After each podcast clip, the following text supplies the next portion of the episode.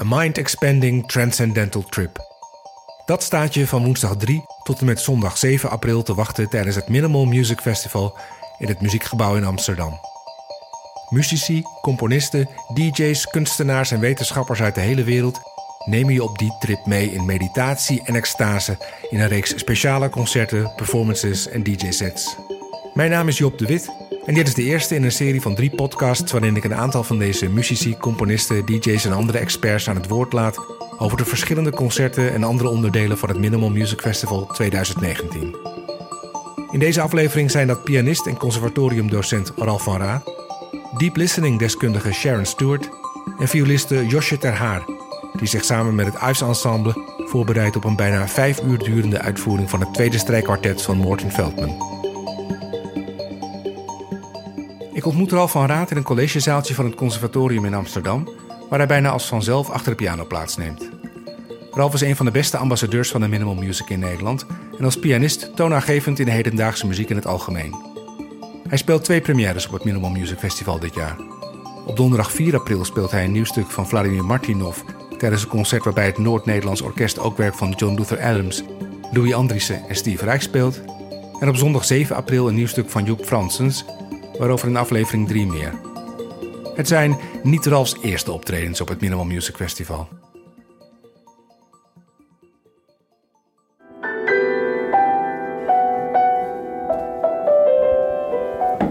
Wat was dat? Dit is Martinov.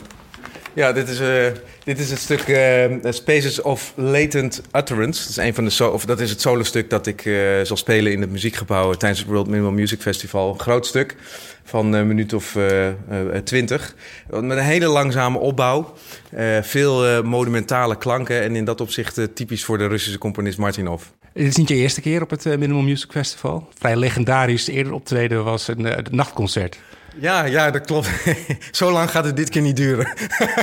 maar dat was inderdaad... Uh, ja, dat was vrij onvergetelijk, moet ik zeggen. Oh, ik, uh, ik weet niet meer precies hoe laat het begon. Twee maar, uur? Oh ja, twee uur s'nachts, ja. ja. Daarvoor had ik toen nog een concert met werk uh, van Joep. Een groot stuk van twee stukken. Onder andere The Gift of Song. een stuk van 50 minuten. En toen had ik even pauze van, geloof een uur of zo. en toen inderdaad de hele nacht door. Het stuk van Dennis Johnson, November. november. En je voelt je wel thuis hier op het Minimal Music Festival? Ja, ja zeker. Um, ja, Minimum Music, je ontkomt er bijna niet aan. Je hoort het overal, uh, ook in de, in de pop. Uh, het, is natuurlijk de muziek die uh, het publiek, het, het, het, publiek dat eigenlijk afscheid had genomen van de eigen tijdsmuziek in de jaren 60, 50, 60 met het modernisme. Het is eigenlijk ja, de, de grote terugkomst hè, van het publiek, het grotere publiek, door de Minimum Music, door de mensen als Steve Reich, Adams, Philip Glass natuurlijk. En, en in dit geval Joep Fransens. Ehm, en Martinov. Al zijn eh, die, eh, met name de laatste Martinov, natuurlijk niet zo bekend. Maar daar gaan we dus verandering in proberen te brengen. Dat mag ook wel.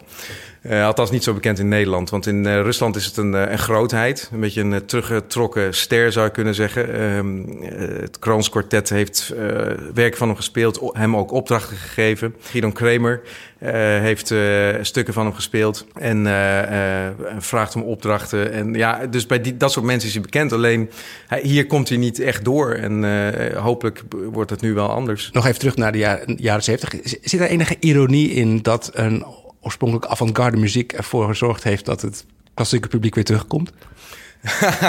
um, uh, ja, het is natuurlijk een. Uh, ja, hoe moet je dat zeggen? Het, is een, het, was in wezen natuurlijk een logisch proces. De, de hele de, muziek heeft zo'n afstand genomen op een gegeven moment van, van alles wat we herkennen. En er, veel studies hebben aangetoond dat bijvoorbeeld herhaling en herkenning van, muziek, van muzikaal materiaal uh, het essentieel is voor, weet ik het, 90% van de mensen om muziek te kunnen waarderen. En uh, alles wat uh, op een gegeven moment, of eigenlijk bijna alles wat in de 50 en 60er jaren werd gecomponeerd, was eigenlijk één continue variaties. Er was geen, er waren weinig herkenningspunten meer in muziek. En iemand als Martinov, die is ook die heeft zich ook met, dit, met deze technieken bezig gehouden. Dus die, die, die was er niet vies van. Die was, die, het was hem ook niet vreemd. Maar, en trouwens, mensen als Arvo Pärt ook niet. Alleen ja, op een gegeven moment wilden deze mensen toch een, een, een, misschien het publiek weer terughalen. Maar met name ook een meer spirituele band met de muziek krijgen. Die ze toch moeilijk vonden binnen het idioom van, ja, van toch rationaliteit waar het om draaide. Die overigens ook heel interessant is. Maar waar dat aspect wellicht mist. Dus ja, uh, ik, kan het goed begrijpen dat ze terug zijn gekomen op, op die stijl en uh, een nieuwe stijl hebben aangeboord. En ja, daar is natuurlijk herhaling en puls en uh, dat soort elementen is volop aanwezig. Daar is het helemaal op gebaseerd. Dus het, is, het is goed dat, dat ze weer terugkomen, denk ik. Jij houdt van allebei, hè? Ja. Ja, uh, ik, hou niet van, uh, van alles, moet ik zeggen. Dus, uh, in de zin van, er zijn ook genoeg minimal componisten waar ik, het, waar ik, het, waar ik minder mee heb. om heel veel verschillende redenen.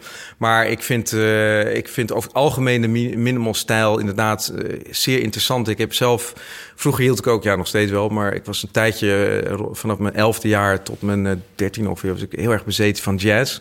Dus ik vond met name het ritme vond ik altijd zeer interessant. En dat miste ik altijd in zekere zin wel een beetje in de, in zowel de klassieke muziek als de, de hedendaagse muziek later. En uh, ik, toen ik hoorde op het conservatorium, uh, dat moet ik eerlijk zeggen, uh, van, dat was de, de hedendaagse muziek geschiedenisles van Willem Wander van Nieuwkerk.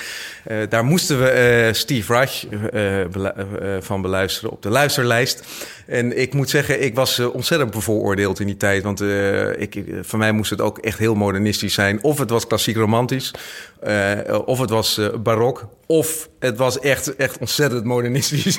Hardcore. Ja, hardcore. En uh, ik vond het echt veel te slap als je, daar, als je dat niet deed. En, uh, dus ik, eh, met, eerlijk gezegd, met vrij grote tegenzin uh, begon ik daar aan, aan die luisterlijst. Althans, aan het onderdeel Minimal Music. En ik, ik schrok me eigenlijk wild hoe goed ik de muziek van Steve Reich toen vond. Dat Music for 18 Musicians. En dat, dat sprak dat, alles wat, hè, wat, wat, ik ook in jazz interessant vond. Het ritmegevoel en ja, die puls en dat, die altijd doorgaande beweging en zo. Het, het kwam terug en ik vond het zo ontzettend goed. En dan ook harmonisch wat er gebeurde, vond ik het fantastisch. Dus ja, het was een enorme schok. Maar ik ben diezelfde middag nog naar, uh, naar de cd-zaak hier in Amsterdam gegaan. Die toen nog bestond en nu al weg is, helaas. Maar, uh, en daar heb ik meteen een uh, stuk of drie Rijk-cd's gekocht. En ja, dat, dat dat meteen aan. En ja, weet je, het, ding van muziek is, en dat is ook zo mooi, en met name in de 20e eeuwse muziek of 21e eeuwse muziek inmiddels, uh, de, de variëteit, de diversiteit is zo groot. En uh, het een sluit het ander niet uit. Hè. Uh, minimal music appelleert aan een heel ander soort, ander, ander aspect van je muzikaliteit dan een, bijvoorbeeld een serieel stuk van Boulez doet of, of een symfonie van Mahler.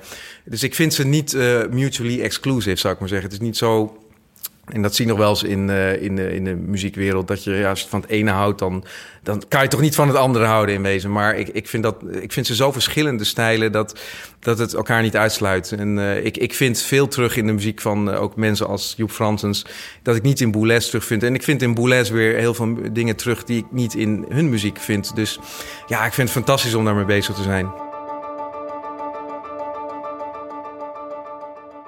Dat stuk Music for 18 Musicians blijft een eye-opener voor mensen. Het is een klassieker inmiddels, hè? Ja, het is uh, zeker. Het is, het is echt een klassieker, ja. Uh, het is de basis. Het is, het is eigenlijk hardcore minimalisme, om zo maar te zeggen. Het is een van de vroege stukken binnen de minimal music stijl. En um, daar, het is zo'n invloedrijk stuk geweest. Zoveel componisten hebben zich daardoor laten in beïnvloeden. En, en uh, Frans niet in de laatste plaats. Die is een, enorme Reich-fan in zijn vroege jaren en nog steeds. En dat hoor je ook in zijn vroege stukken. En nu is dat, heeft hij dat veel gebalanceerder uitgewerkt, of zeg je dat? Het, het is veel op de, achtergrond gaan spelen. Maar uh, in de vroege stukken bijvoorbeeld van Joep hoor je het heel duidelijk, de invloed van Reich.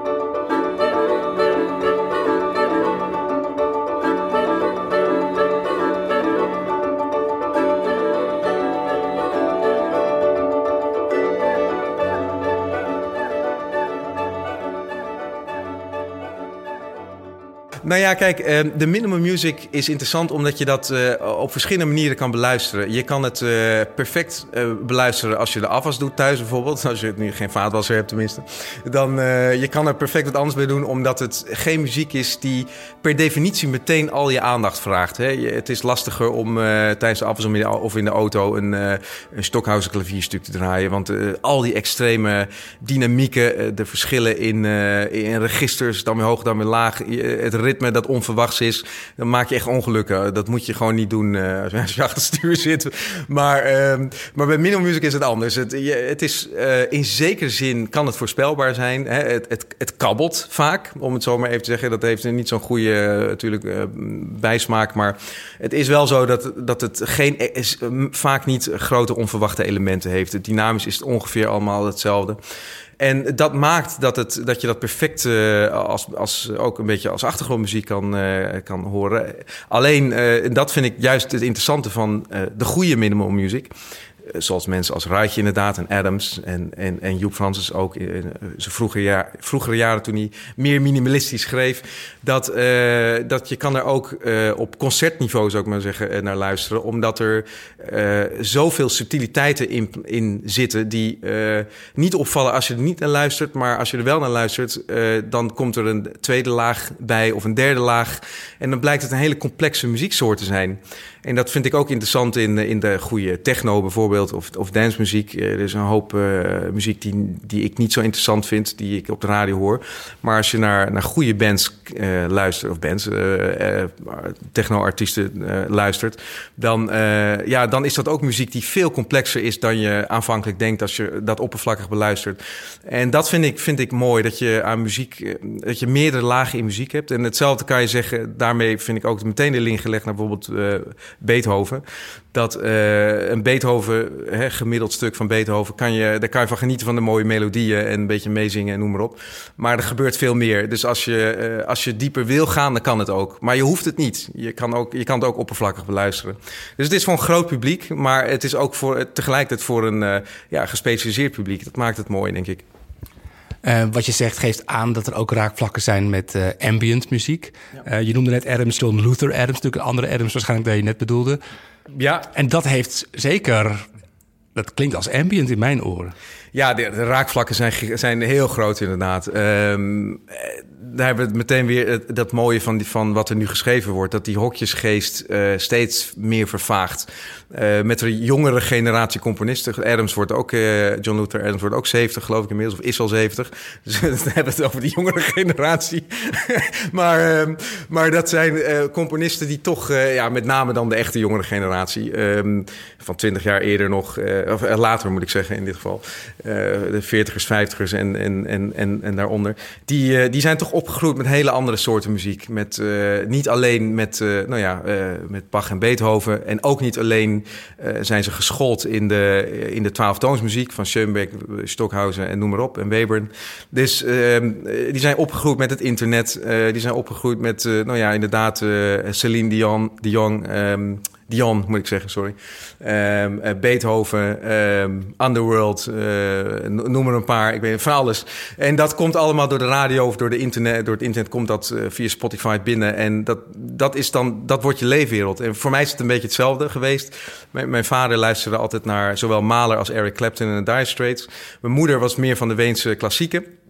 Dus dat kwam allemaal langs. En ja, voor mij was het daar allemaal een beetje uh, ja, het was allemaal muziek. Uh, ik wil niet zeggen allemaal hetzelfde, maar het was allemaal onderdeel van dezelfde muzikale taal. Alleen andere aspecten. En dat zie je nu ook. Dus ja, het is niet gek dat je al die kruisverstuivingen krijgt. En ik vind het ook heel mooi dat dat, dat naar elkaar gaat, toe gaat lopen. En dat, die, uh, ja, dat je dus hopelijk ook ambient publiek in de zaal bij John Luther Adams kan zien. En in dit geval tijdens het World Minimal Music Festival, dat je inderdaad ook een, een specifiek poppubliek naar de zaal kan krijgen. Die, die zich evenwel thuis voelt bij bij uh, Martinov en, en Fransens in mijn specifieke geval en Hans Otte, als bij inderdaad Brian Eno bijvoorbeeld.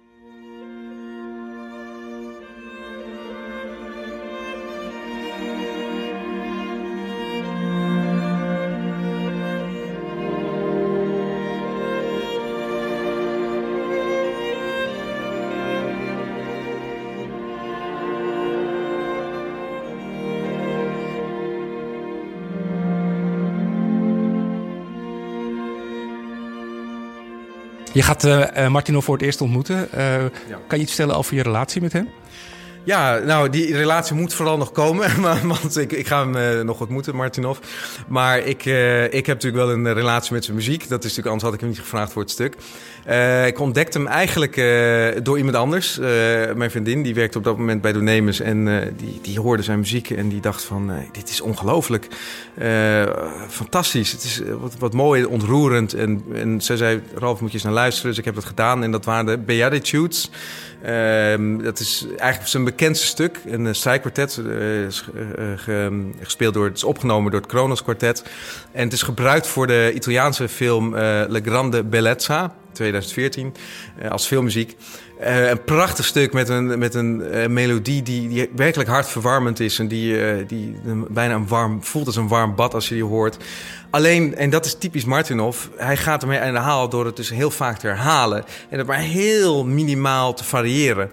En elke, nou ja, dat is dus typisch minimal. En elke keer dat het varieert, dan, dan klinkt het als een, alsof, uh, ja, alsof er iets in de wereld gebeurt, iets heel groots. Dat je, uh, hè, het is een diamant en je telkens van, een, van een andere, andere kant. En denk je, dit is, dit is gewoon dezelfde diamant. Ik vond het zo waanzinnig uh, wat daar gebeurde.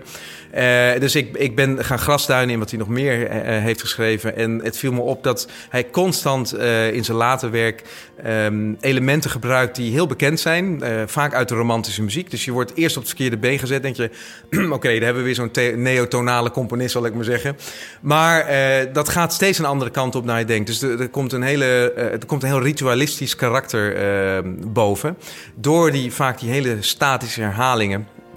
Of in ieder geval als come in voor viool orkest. Dan hoor je een, ook weer, nou ja, het begint met een prachtige melodie. Maar opeens hoor je een soort clusterachtige uh, harmonische achtergrond. Die totaal niet past in, in het kader van, van zo'n melodie. In de, harmonie van zo'n melodie. Of in de wereld die zo'n melodie oproept. En dat vond ik fascinerend. dus, en, en dat onderscheidt zo'n componist overigens dan ook weer, vind ik, van nou ja, de, de mindere goden in mijn optiek. Die dan wel een hele mooie melodie kunnen schrijven. Maar vervolgens eigenlijk niks mee doen. Waardoor je even denkt: wow. Dus, uh, dus dat vind ik heel interessant. Dus ik heb hem uh, uh, op een gegeven moment gevraagd van... goh, nou ja, dat moest via via, althans via een vertaalster... want hij woont in Rusland, heel afgelegen, heeft nauwelijks internet. het weet echt nauwelijks hoe je een telefoon gebruikt. Het schijnt echt een bijzondere man te zijn die ook niet reist... omdat hij iemand nodig heeft om een kaartje bij het loket te kopen... omdat hij daar ook moeite mee heeft, hoe dat allemaal werkt tegenwoordig. Dus zeer jong van geest als het gaat om de muziek... Maar uh, verder niet helemaal meegegaan in de tijd uh, van nu.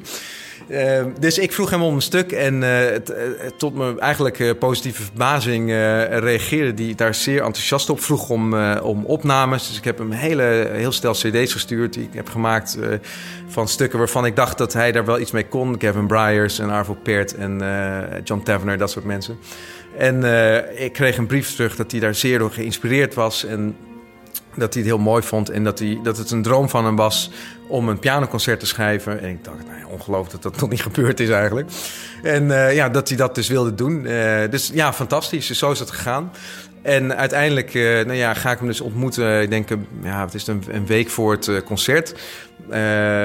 we komen ook nog in de uitzending met Podium Witteman. Uh, ook als aankondiging voor het concert uh, in het World Minimal Music Festival. En dan, uh, ja, ik ga dan met hem repeteren aan de stukken. En ja, ik, ik kan dus nu eigenlijk nog niet zeggen hoe dat is om met hem te werken, want dat, dat weet ik niet. Maar het lijkt me een, een zeer ja, liefdevol en muzikaal mens. De manier waarop hij correspondeert is, is zeer, zeer persoonlijk en ja, op een hele ja, mooie menselijke manier. Het, is geen, uh, het lijkt me geen autoritaire componist of iets dergelijks. Wat gaan jullie samen doen? Hij, hij kan ook gewoon in de zaal gaan zitten en luisteren. Ja. Ja, ik, ik weet het nog niet precies. Uh, hij wilde eerst heel graag, en dat wil ik ook, uh, uh, gewoon bij elkaar zitten zonder instrument om te praten over muziek en, en, en natuurlijk over de stukken en over wat hij daarmee wil. Uh, daar heb ik wel een, een, natuurlijk een idee van, maar ik ben ook benieuwd of dat klopt. En vervolgens hebben we een, uh, op, ik hoop dat ik het goed zeg, ik denk het wel, op 2 april een open, ook een openbare repetitie in het muziekgebouw. Dus ehm, daar gaan we met z'n tweeën echt op podium zitten en ook daar gaan we praten over muziek. En ik zal daar fragmenten spelen uit zowel zijn solostukken als het pianoconcert. En daar gaat hij uh, ook het een en ander over zeggen. Dus um, ja, het zal een combinatie van de twee worden. Het is altijd anders met componisten, het werken. De, het is heel interessant. Ik heb uh, met mensen gewerkt die vooral erover wilden praten... en anderen die wilden vooral spelen. En is het heel veel dialoog. En, dus ja, het is voor mij ook heel spannend wat dat betreft.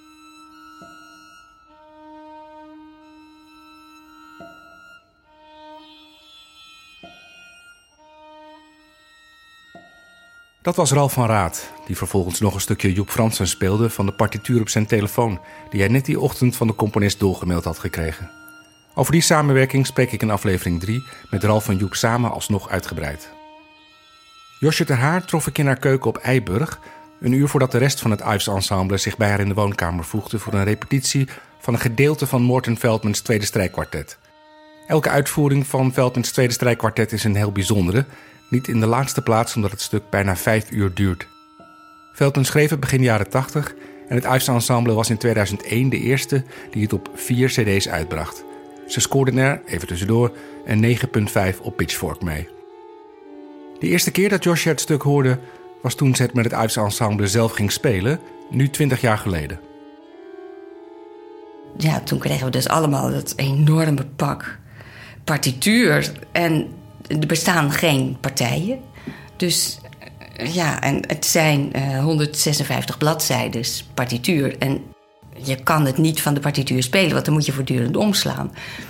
Dus het eerste wat we allemaal doen is partijen knippen. En dat duurde ontzettend lang. het, het, zijn zulke enorme dimensies waar je mee werkt. Ja, toen hadden we allemaal partijen ge knipt en repetities. Ja, hoeveel repetities spreek je af? We hadden geen idee. We zijn een half jaar voordat we het stuk voor het eerst speelden begonnen met repeteren. Uh, en ja, een stuk van vijf uur kan je ook niet. Ja, je kan niet eventjes een middagje repeteren. Je moet ook enorme lappen met repetities plannen. Ja, het is. En hoe verhield zich dit tot eh, jullie gebruikelijke repertoire? We, hadden al vrij veel stukken van uh, Morten Veldman gespeeld. En uh, zeg maar een beetje de middellange stukken van anderhalf uur of een uur en een kwartier. Dus dan ben je al een beetje gewend om, zeg maar, ja, dan heb je het over een stuk of drie uh, normale symfonieën, uh, die je dan in één, dezelfde tijdstuur speel je dan in één keer. En dat is dan één stuk in één deel, uh, zonder delen of zo. Dus we waren al wel een beetje gewend om in die dimensies te denken. En ook het, het klankidioom hadden we al wel redelijk voor ogen. Zonder vibrato, alles vrij zacht uh, een beetje zonder eigen interpretatie.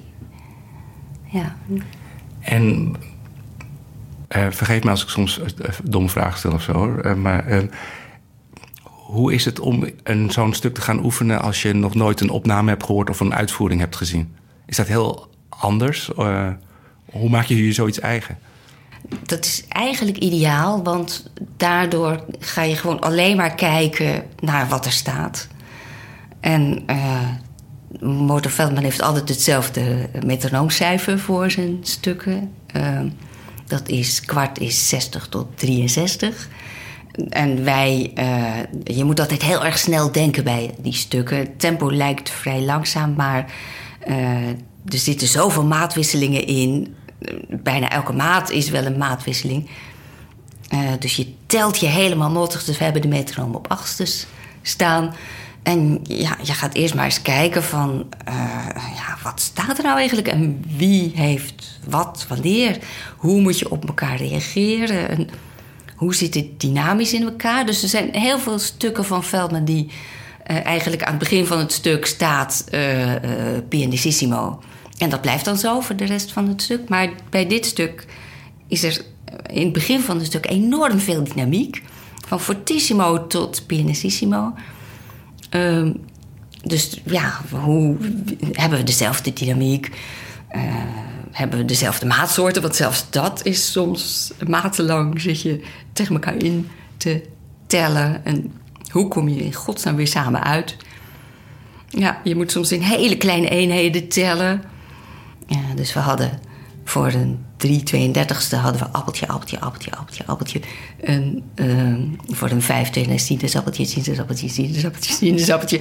Dus dan, dan kan je nog een beetje een, een soort eenheid van dat je samen aan het tellen bent.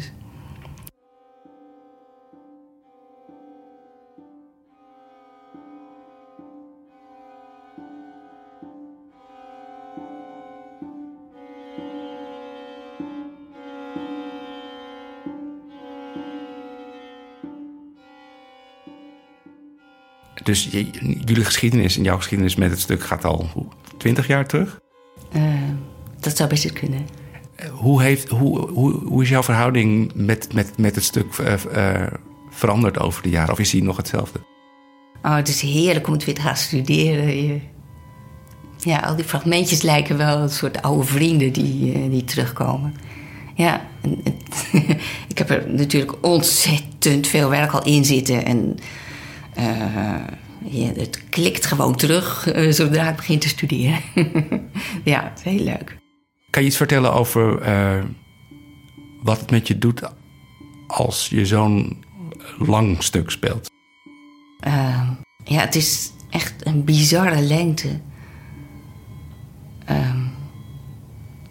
je begint om twee uur s middags te spelen en om zeven uur s'avonds ben je pas klaar. En al die tijd zit je daar op je stoel. En uh, je, het stuk heeft een zodanige concentratie dat je zelfs bijna niet beweegt. Uh, ja, dat is ongelooflijk. Het is echt een ervaring die nergens mee te vergelijken is. Uh, je denkt zo de eerste anderhalf uur van... Ja, alles gaat pijn doen natuurlijk je denkt, ik kan het niet uitspelen. En dat, dat gaat ook allemaal voorbij. Uh, er zijn natuurlijk wat dipjes in je concentratie. Dat, het is ook elke keer anders natuurlijk, per keer van de uitvoering. Ja, de allereerste keer uh, had onze cellist... Want je denkt, je gaat honger krijgen of je gaat uh, naar de wc moeten. Dat gebeurt allemaal niet, maar we hadden wel uh, dat soort dingen, uh, voorzorgsmaatregelen genomen. Dus onze cellist had een banaan klaargelegd en hij. Er was één of twee maten rust en hij stopte een stukje in zijn mond en ontdekte vervolgens dat hij uh, niet kon kauwen en tellen tegelijk. Dus hij bleef met dat stukje in zijn mond zitten. Wij natuurlijk matenlang de slappe lach. Dat was de allereerste uitvoering. Ehm, ja, je hebt altijd natuurlijk glaasjes water onder je lessenaar voor hoestbuien. Maar ik heb nog nooit ook maar iets uh, gedronken of zo. Uh, ja, je gaat, je begint gewoon en je, je moet door. Ja, ook al zou alles instorten om je heen. Dat is echt... heb, je, heb je inmiddels zelf wel eens een uitvoering van iemand anders bijgewoond van het stuk? Nee.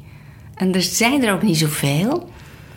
Uh, onze tweede violiste, Emma Breedveld, die mocht laatst invallen um, bij het Rakatse kwartet. Die spelen het nu ook. Maar toen was ik zelf niet in Nederland.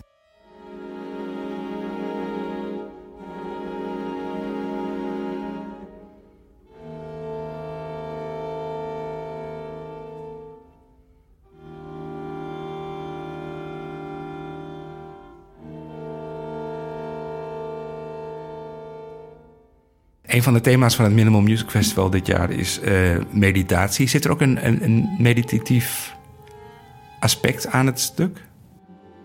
Nou, het is wel echt een luistermuziek. Er zijn, natuurlijk hou je het niet vijf uur lang voor, om, vol om geconcentreerd te luisteren, maar uh, het is bedoeld om naar te luisteren. En dat, dat, ja, dat ga je ook met, met concentratie ga je dat doen. Want uh, het zijn allemaal, Elmer Schoenberger die zegt van de, Veldman maakt van allemaal muzikale muggen, maakt die muzikale olifantjes. En, uh, dus het zijn hele kleine gebeurtenissen die op een of andere manier door de concentratie die hij oproept in zijn werk eh, enorm belangrijk worden. En daar, ga je, daar moet je in mee als luisteraar. Dus in zoverre is het niet meditatief.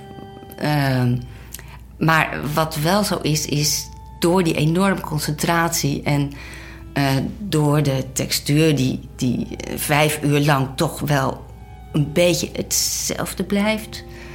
Hoewel die ook wel heel afwisselend is. Uh, raak je wel als luisteraar helemaal in een andere dimensie van tijd en van de, van de wereld ook. Dus je bent wel echt heel erg ver weg geweest als je weer terugkomt. Uh, nou, als het stuk afgelopen is, sowieso als een stuk van Moordenveldman afgelopen is, is het altijd een enorme schok. Ook voor jou? Ja, ja, jeetje, als het dan op een gegeven moment, als het dan weer stopt, dat is, ja, dat is bizar. en het stopt ook ineens, hè? Ja, ja. Ja, wij zien het natuurlijk aankomen. Maar met wat voor gevoel blijf je dan achter? Nou, enorm uh, respect. En uh, ik ben enorm onder de indruk van wat je allemaal hebt meegemaakt. En uh, wat hij allemaal heeft opgeschreven en wat je zelf allemaal hebt zitten presteren. Want ja, het is wel een flinke marathon, zeg maar. Ja. En hoe zou je de emotionele ontwikkeling van het stuk beschrijven? Ja, wat een leuke vraag. Uh, het begint ongelooflijk hectisch. Uh, met heel veel materiaal, heel veel dynamiek. Uh, hele ontzettend snelle en hele langzame dingen. Uh, gaandeweg komen er wat, wat materiaal komt terug. Er, er komen ook ja, ongeveer op twee derde van het stuk is, is er een heel stuk wat echt heel erg verstild wordt. Dan hoor je bijna niks meer. Af en toe nog een heel klein toontje. En dat gaat ook heel erg lang nog zo door. En dan komt er opeens, komt er, tegen het eind van het stuk, komt er weer heel veel materiaal bij. En zit je opeens weer op het puntje van je stoel. En, en ja, komen er ook weer wat dingen terug en zo. En, het eindigt met uh, een motief in de cello, wat al op dat moment al een paar keer tijdens het stuk. Dat zijn voor mij wel een soort landmarks. Uh, uh, gedurende die vijf uren komt dat terug. En hoe, reageer, je ziet het publiek reageren. je moet zelf heel erg geconcentreerd blijven. Ja. Um, hoe ervaar je die? De, is er iets van een, een wisselwerking met de omgeving of het publiek? Of je, je, wil ook, je zegt, we blijven ook heel, heel dicht bij de partituur. Ja, ja. Uh, wij zitten met ons rug naar het publiek. Want wij spelen in een kringetje en het publiek zit er omheen. Dus dat is heel intiem. Uh, bij, ik heb ook al veel stukken van Veldman gehoord. En het is echt iets wat je met z'n allen maakt, die concentratie. En dat is heel bijzonder. Dus het is voor de luisteraars is het eigenlijk net zoveel werk als voor de spelers. Ja, behalve dat de luisteraars, als het echt moet, kunnen die eventjes weglopen. En dan, dan komen ze weer terug natuurlijk. Maar omdat je met z'n allen die concentratie opbrengt... ja, ervaar je dan een heel groot, grote verbinding met het publiek. Dat is heel mooi om mee te maken.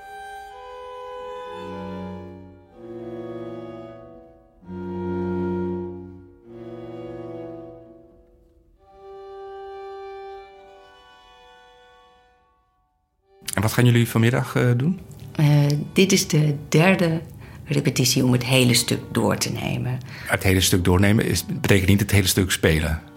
Met onderbrekingen. Jullie gaan vandaag het hele stuk spel spelen? Uh, nee, zeg maar een, ongeveer een vijfde van het stuk. De middelste vijfde gedeelte van het stuk. Dus ja, we hebben vijf repetities om het hele stuk door te nemen van het begin tot het eind. Oké, dus maar vanmiddag hebben jullie een stukje ergens in het midden zitten. Ja, ja. En dan ga je gewoon verder waar je vorige week gebleven was. Ja, om alles een keer gezien te hebben.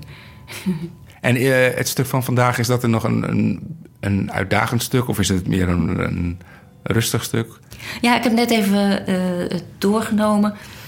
Uh, er komen vrij veel snelle... Het is niet zo hectisch als het begin. Er komen wat, wat snelle dingetjes langs. En wat dingen die we nog niet gehad hebben. Maar ook uh, een aantal bladzijden met heel rustig materiaal... Wat, waar we vrij snel en probleemloos doorheen kunnen komen, denk ik.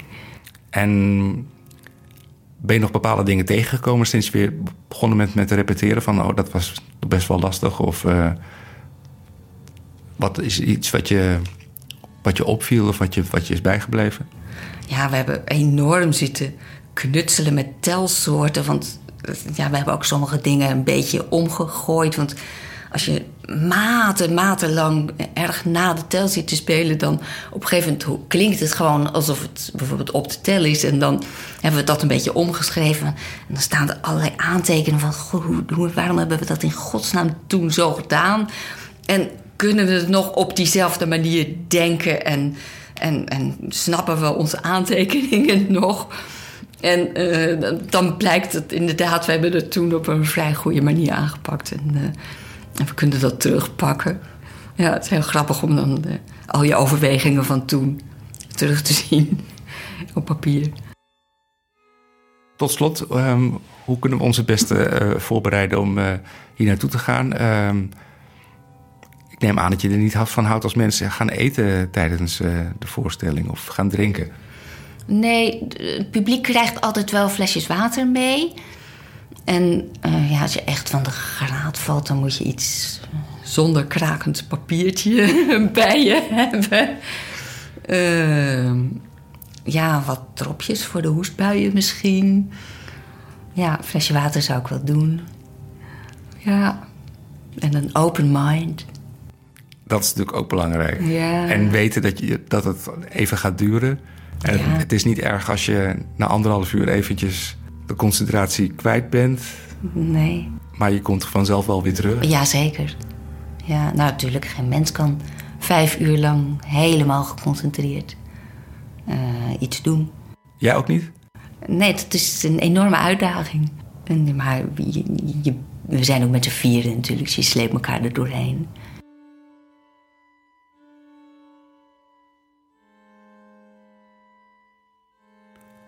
Het Ives Ensemble speelt Morten Veldmans tweede strijkkwartet op zondag 7 april in het Muziekgebouw. Het begint om drie uur 's middags en het duurt tot 8 uur 's avonds dus. Zorg dat je goed eet van tevoren en vergeet niet eerst naar de wc te gaan.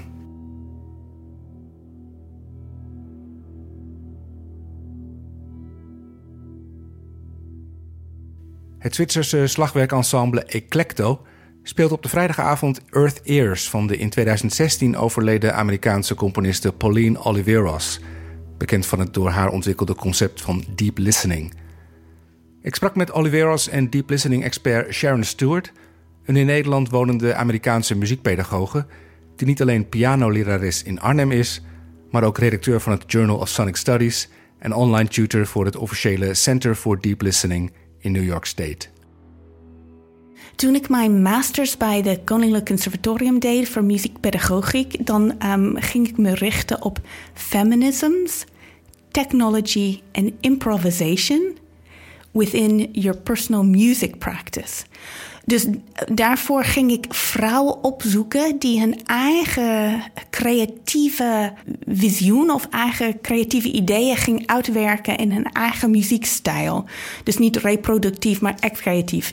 En dan natuurlijk kom je dan Larry Anderson, um, Ikue Mori en Pauline Oliveros tegen. En ik hoorde dat. ehm, iconische Deep Listening album van 19...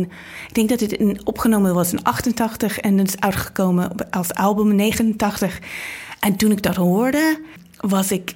eh, het was ook op gewoon computerspeakers, op, ehm, ik denk in iTunes of zoiets. Maar de manier waar de muzikanten speelden met hun instrumenten en met de akoestische omgeving, we kunnen het daar later over hebben, was zo inspirerend voor mij. Ik dacht van, ik moet, ik moet die vrouw ehm, een keer ontmoeten. En dan toevallig, ja, dan had ik mijn tweede kind. En dan, dat was in 2005, in 4, 5 heb ik haar een beetje ontdekt.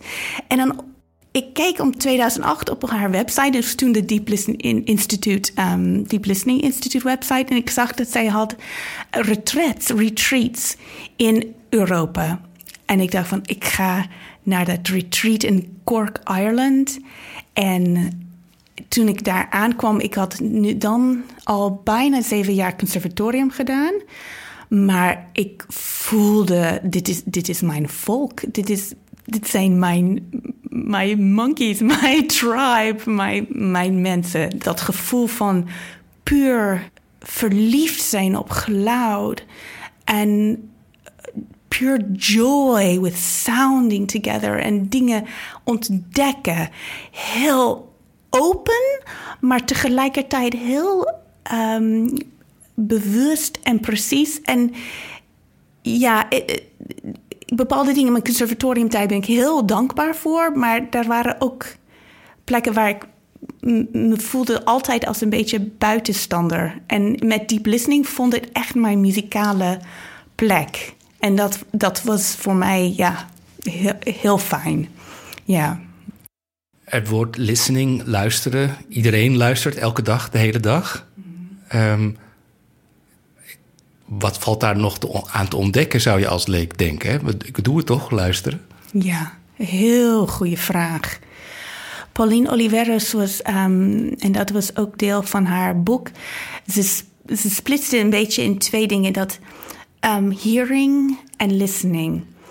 En onze oor, wat, precies wat je zei, mechanisch, die vangt elke trilling, elke.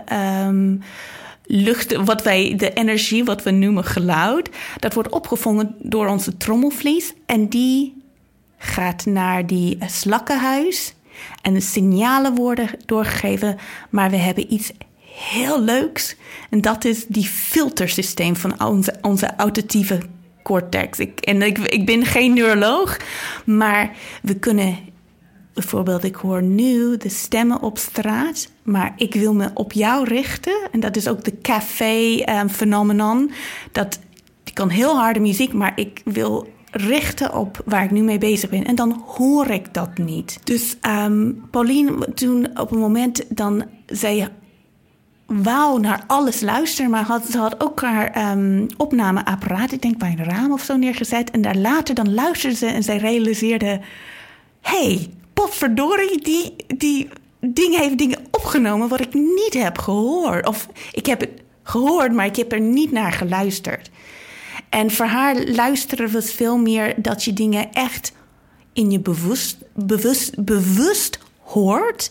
Dus, en het is ook een bewustwording voor veel mensen van eigen luistergewoontes. Wat, ik ben een heel focused listener, dus ik ik, toen ik een boek las, toen ik een kind was, dan hoorde ik zelfs mijn eigen naam niet. En dat is voor meeste mensen, dan komt dat toch je eigen naam erdoor. Um, dus ik leerde met deep listening om uh, door, de sonic, door verschillende meditaties, luistermeditaties, om meer global of meer inclusief te luisteren, meer sferisch, dus 360 graden, zo groot en wijd mogelijk. Terwijl misschien andere mensen zijn er heel goed in. Ze worden heel makkelijk afgeleid door allerlei geluiden. Maar door je eigen gewoontes te leren, je kan dan makkelijker gaan van de een naar de ander. Dus iemand die heel makkelijk afgeleid is, die hoort alles, kan misschien meer richting focused listening. En, um, en je krijgt is meer vrijheid, je krijgt er gewoon flexibiliteit erin. Maar zij zij was echt, had een echt bijzondere um, aanwezigheid. Het heel moeilijk in woorden is te vatten, maar dat gevoel dat zij echt bewust naar dingen luisterde en de informatie van die geluiden opnamen, dat was heel bijzonder. Ja, dus we horen veel, maar dat luisteren, daar kan je eindeloos mee spelen van wat betekent dat? En, en is dat, het is een paradox, van enigszins is het ook niet eens mogelijk. Maar je kan ook in dromen luisteren. Je kan ook geluiden opeens dan in dromen gaan horen. Dus het wordt een soort 24 uur per dag luisterervaring. Maar het is, kan heel vermoeiend zijn. Ja, Ja. We, hebben, we hebben het ook niet per se alleen over het luisteren naar muziek, een, een concert of een plaatopname. We hebben het over luisteren naar alles. Juist. Ja.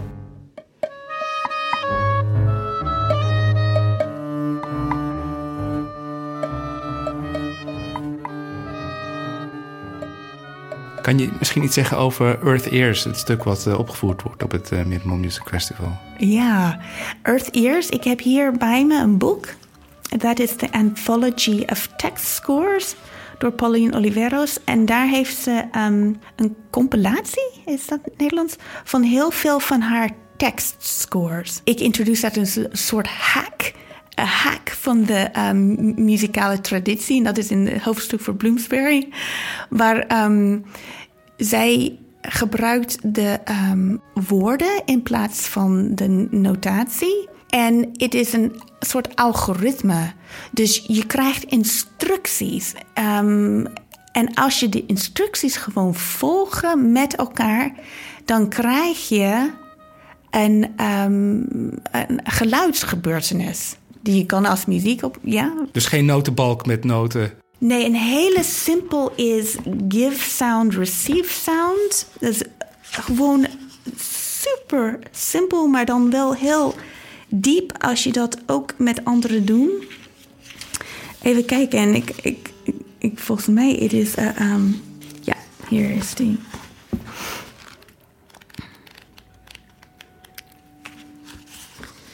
So, die is in 1981. Give sound, receive sound. Listen. Give sound. Listen. Receive sound. Dat kan alles zijn. Precies. En dus wat gebeurt in dat groep, als mensen echt toegewijd zijn aan de instructies en toegewijd aan elkaar en toegewijd aan het moment, dan wat op dat moment gebeurt, is tegelijkertijd uniek en vrij en open, maar tegelijkertijd heeft de verbindenis met wat mogelijk is met de menselijke stem of met, met de menselijke lijf en met de menselijke fantasie van wat het is tegelijk simpel, maar dan wel heel complex, want je moet keuzes maken en je moet en, en misschien niet keuzes wat um, mooi zijn, maar keuzes van wat, wat klopt op dit moment met mij, met de instructies, met de andere mensen. Ik kan later daarover een hele mooi moment hebben van waar ik echt de tranen rolden mijn wangen, want ik, ik, ik besefte iets wat heel diep menselijk is in zo'n ervaring, maar door dat ervaren. Niet omdat het theoretisch wordt aan mij uitgelegd. Maar jij had gevraagd over um, Earth Ears. Even kijken, dat is op. Um, so, Earth Ears is. Ik kan het niet. Het is gewoon een hele lange tekstscore. Maar ik. Je hebt over iets van drie, vier pagina's? Even kijken, van 87, 88, 89, 90 en 91. Dus 1, 2, 3, 4, 5. Um, en de essentie, ik zou het gewoon een beetje de, dat um, uh, vorm, want het is ook net als met um, klassiek of romantische, heeft ook een vorm. En dan, de een, ik kan misschien iets uithalen wat ik heel bijzonder vind. Dus je hebt four cycles. Cyclussen? Cycli. Cycli. Je hebt vier cycli. En binnen elk cycli zijn ook vier elementen patroon, een transitie, een verandering en dan weer een transitie. En met elke cycli bouw je de bouwsteen van een bepaalde ritme op. Het wordt meer complex. Dus elk, uh, de, de patroon is, de basis is, is elk speler. Ik lees het even in Engels en dan ja. Each player invents and plays a repeatable pattern of tones, chords, sounds, and or silences during each cycle of the piece. Each player establishes the rhythm and tempo of a pattern independently. independently. For each cycle, one pattern is to re- be repeated consistently, exactly in the same rhythm and tempo. Very simple patterns are recommended as they are easier to maintain and easier for other players to hear. Gradually, a consistent, stable, composite pattern representing the sum of the total group should be clearly heard by all players. Dus je, komt, je hebt je patroon. Maar voor de first cycle mag je alleen één toon, akkoord of klank van de eerste patroon gebruiken. En dat zet je in en dat zet de andere spelers in. En dan totdat je dan en je hebt je individuele ding en je hebt het geheel. En misschien denk je hoe, wat een metafoor dit is voor ons leven. We hebben onze eigen ding, maar we komen in en we moeten dan toch iets bouwen met de mensen die daar zijn. En dan op een moment voordat je naar de transitie gaat. Um, en dit is de complex ding van het stuk. Dus cyclus 1 die gebruikt alleen één aspect van, van elke van patroon, transitie, verandering, transitie. En dan de tweede cyclus. Cyclus. Dan gebruikt twee dingen. Derde cyclus drie dingen. En het bouwt op een complexiteit. Maar op een moment met, met dat um, patroon... op een moment moet je niet alleen naar je eigen patroon luisteren... maar je moet naar iets in je omgeving wat de andere muzikanten doen. En als je met 15 staat spelen, is dat heel complex. En je moet proberen zoomloos dat te incorporeren in je eigen patroon. Dus je kan je voorstellen dat dit is een, een hele precaire situatie, maar ook dat je moet je, je eigen ding vasthouden. Maar tegelijkertijd ben je heel erg luisteren. Oké, wat wil ik hieruit halen? En je moet een manier, terwijl je aan het doen, bedenken van hoe je dat kan bij jouw eigen ding halen. En op zo'n manier is luisteren intrinsiek aan creëren.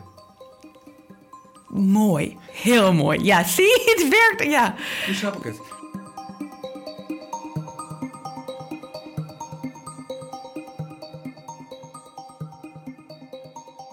Tot zover deze eerste van drie podcastafleveringen van het Minimal Music Festival, dat van woensdag 3 tot en met zondag 7 april 2019 plaatsvindt in het Muziekgebouw te Amsterdam. Alle informatie over alle concerten vind je op minimalmusicfestival.nl. Abonneer je op deze podcast om de volgende aflevering automatisch binnen te krijgen zodra deze online staat. Tot dan of tot ziens in het Muziekgebouw. Mijn naam is Job de Wit en ik maakte deze podcast samen met technische assistentie van Liekemal Korps.